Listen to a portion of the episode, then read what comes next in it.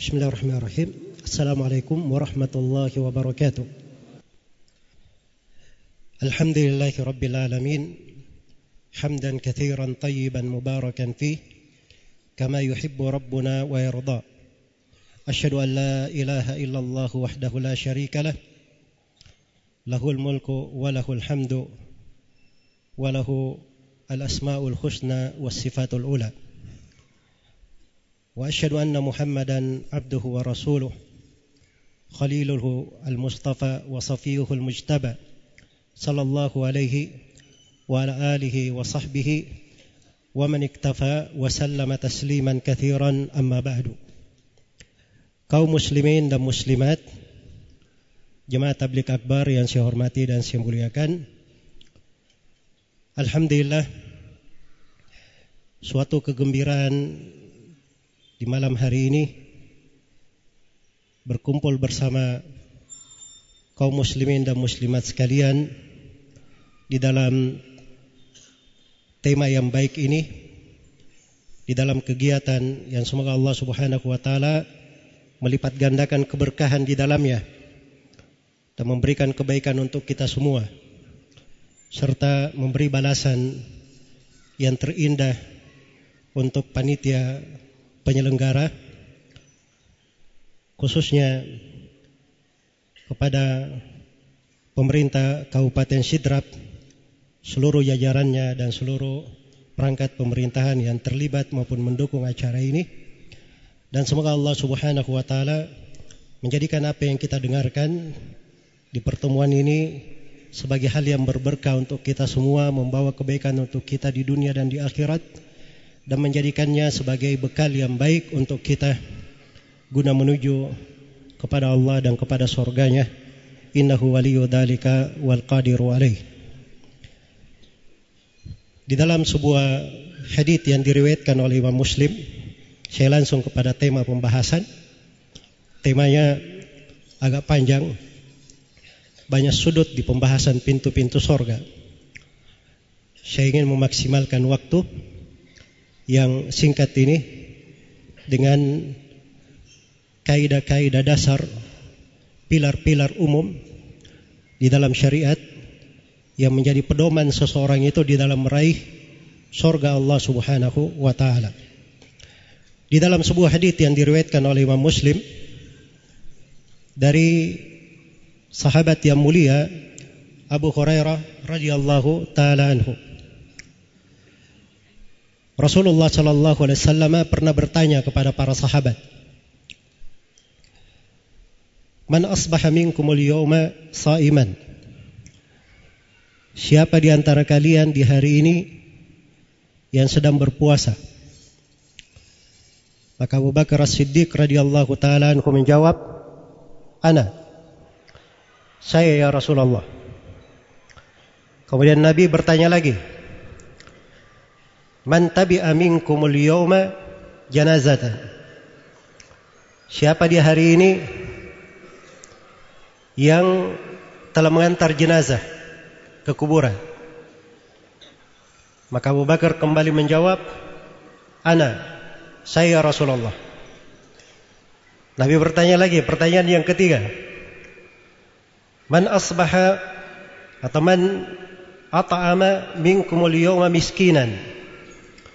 Siapa di antara kalian yang memberi makan kepada seorang yang miskin di hari ini? Maka Abu Bakar ana. Abu Bakar menjawab, saya Rasulullah.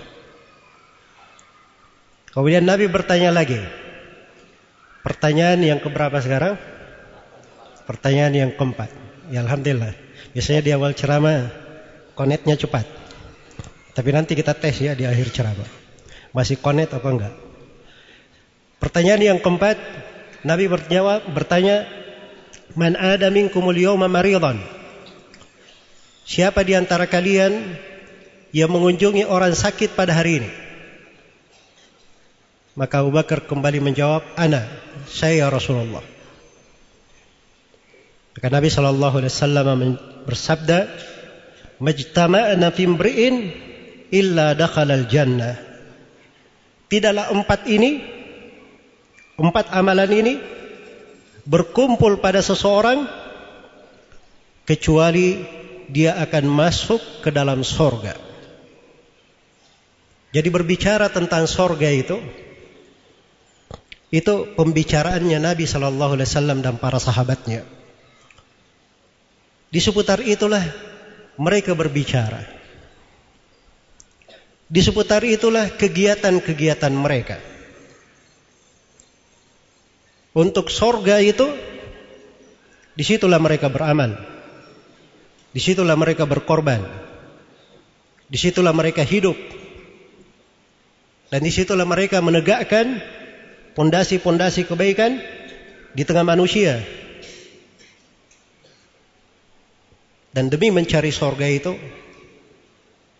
mereka mengorbankan harta, nyawa, waktu untuk sorga Allah Subhanahu wa Ta'ala yang disifatkan di dalam Al-Quran dengan berbagai sifat.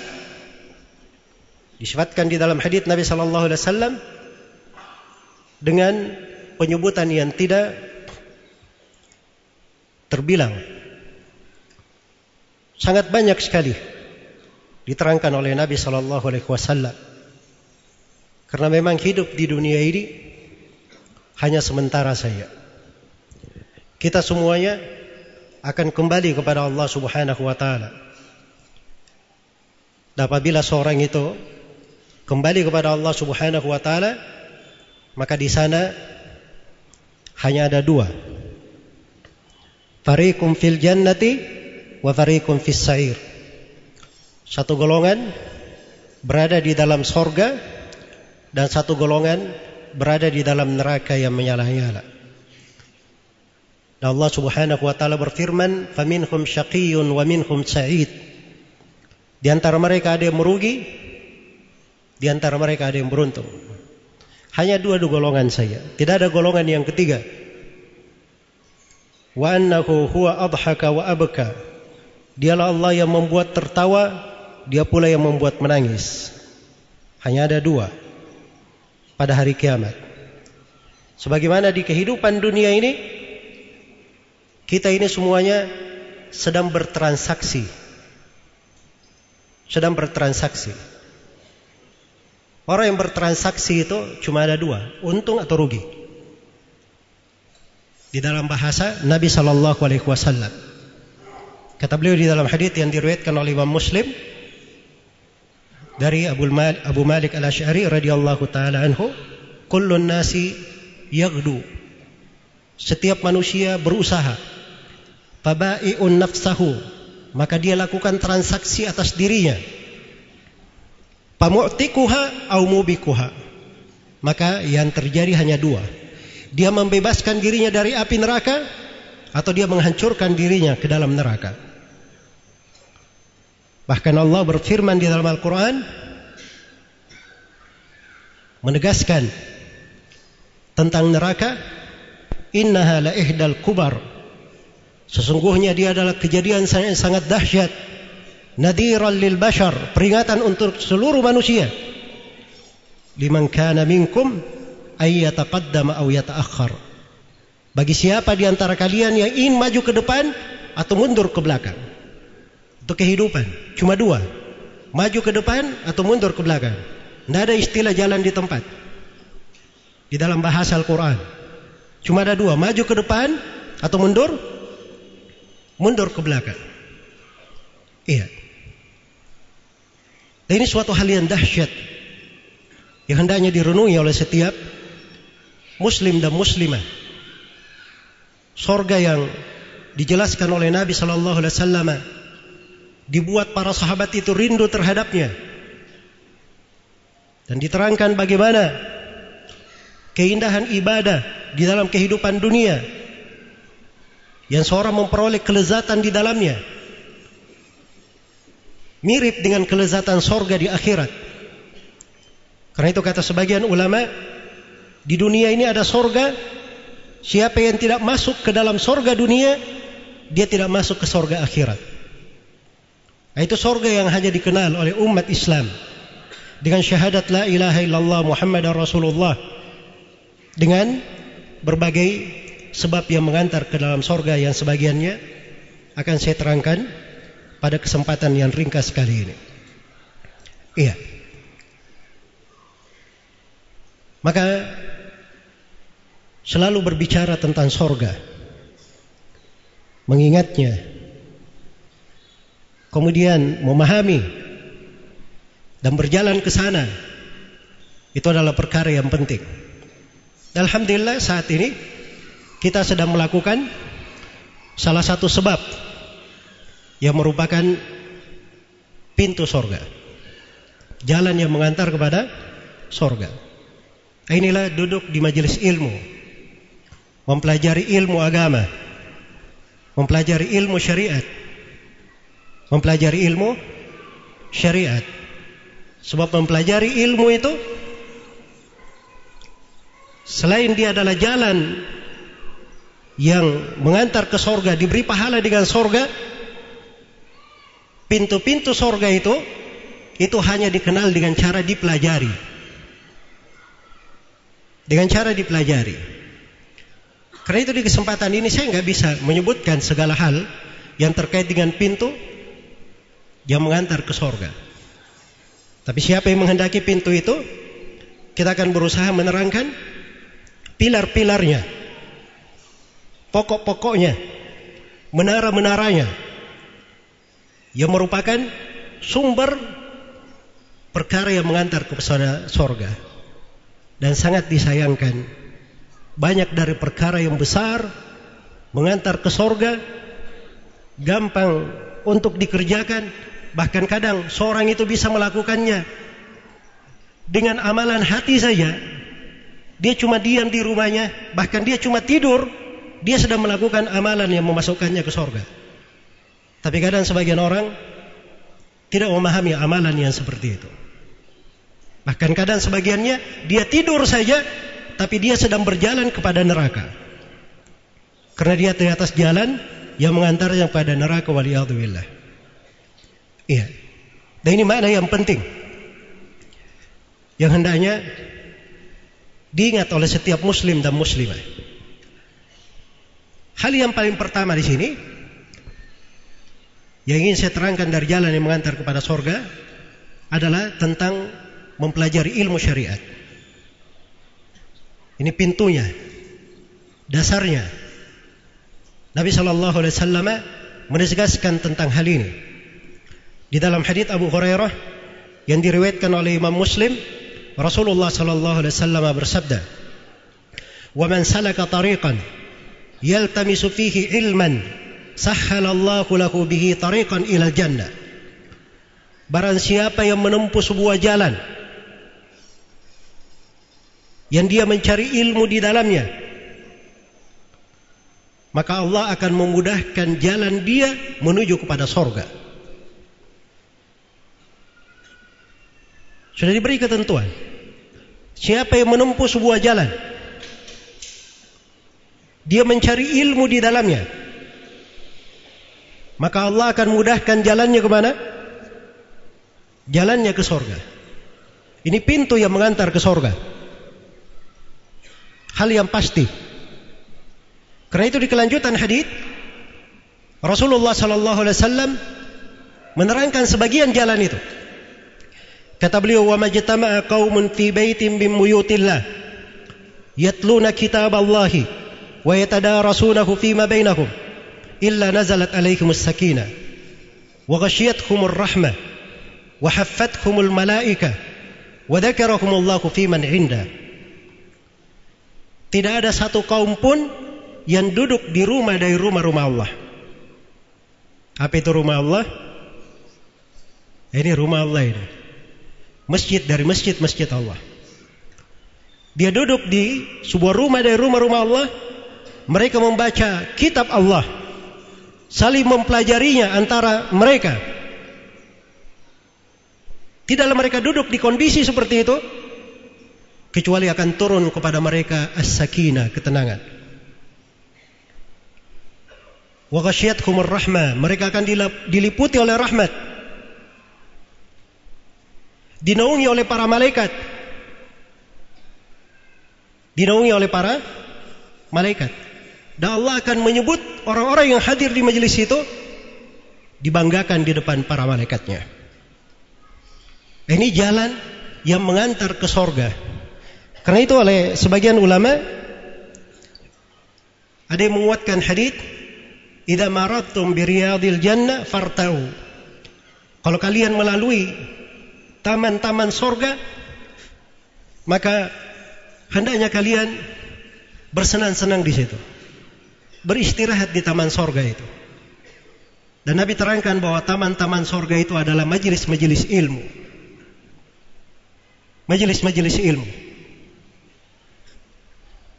Iya. Bahkan ilmu adalah kunci untuk membuka sorga itu. Pada pintu-pintu sorga yang saya akan terangkan, itu terkait dengan pengetahuan. Iya. Dan kadang sebagian pengetahuan di dalam hal itu, seorang bertingkat pemahamannya, bertingkat ilmunya, juga bertingkat juga pintu sorga yang dia ketahui. Karena itu pernah datang seorang lelaki memasuki masjid, sebelum dia masuk, Nabi berkata akan masuk ke masjid ini seorang lelaki dari penduduk sorga. Masuk orang itu sholat. Kemudian duduk bersama para sahabat. Hari kedua, sebelum dia masuk, Nabi berkata lagi, akan masuk ke masjid ini seorang lelaki dari penduduk sorga. Masuk lagi orang itu. Sampai tiga kali. Akhirnya seorang sahabat yang bernama Abdullah bin Amr bin As Penasaran dengan hal itu. Ia pun mengikuti orang tersebut. Didatangi rumahnya. Ringkas ceritanya, Abdullah bin Amr bin As minta izin tinggal di rumah orang itu tiga hari tiga malam. Untuk memeriksa orang ini amalannya apa yang dia lakukan. Kok Nabi mengatakan bahwa dia adalah penduduk penduduk sorga. Dan ini juga salah satu dari sifat para sahabat. Kalau dia tahu ada jalan yang mengantar ke sorga, dia cuma diam, tidak diam-diam saja. Iya. Tapi mereka bergerak untuk melacak, bertanya, mempelajari apa jalan tersebut.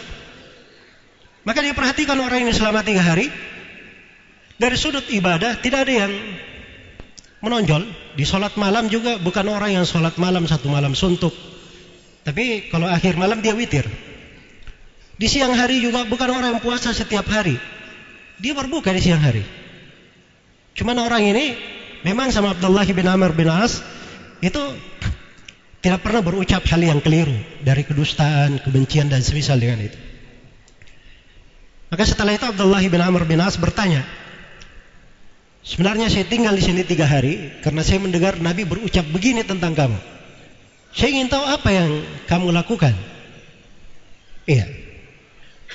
Maka begitu Abdullah bin Amr bin As beranjak pergi, orang ini pun memanggilnya. Dia berkata sepanjang kamu telah berucap hal, hal tersebut, maka ketahuilah bahwa saya ini adalah seorang yang sangat menjaga di dalam hati saya.